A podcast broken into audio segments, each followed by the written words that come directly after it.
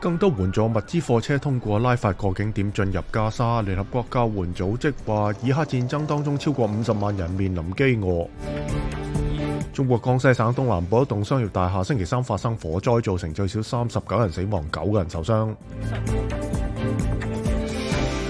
被释放嘅以色列人质嘅女希尔西格尔星期四喺以色列国会发言，询问以色列决策者点解唔出席，听取有关加沙人质遭受性暴力嘅报告。俄罗斯国家电视台星期四发布咗军用运输机喺乌克兰地区坠毁嘅影片。莫斯科指责乌克兰击落呢架飞机，并且杀死机上七十四人。